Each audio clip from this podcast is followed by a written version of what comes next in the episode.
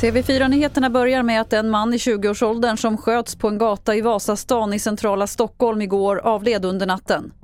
Mannen lever ännu när ambulansen kommer till platsen men hans skador är så omfattande att han under natten avlider på sjukhuset. Den avlidne mannen är sedan tidigare känd av polisen. Bland annat är han dömd för flera narkotikabrott.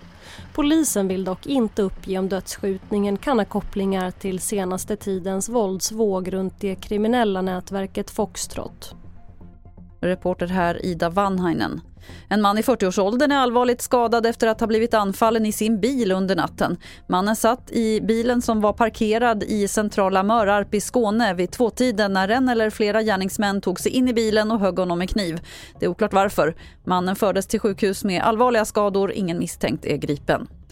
Idag är det på dagen 20 år sedan svenskarna röstade nej till euron.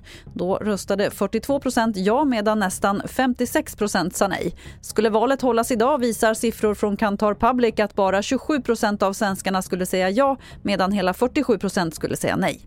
Fler nyheter finns på tv4.se. Jag heter Lotta Wall. Ny säsong av Robinson på TV4 Play. Hetta, storm hunger. Det har hela tiden varit en kamp. Nu är det blod och tårar. Fan händer just det. det detta är inte okej. Okay. Robinson 2024, nu fucking kör vi. Streama söndag på TV4 Play.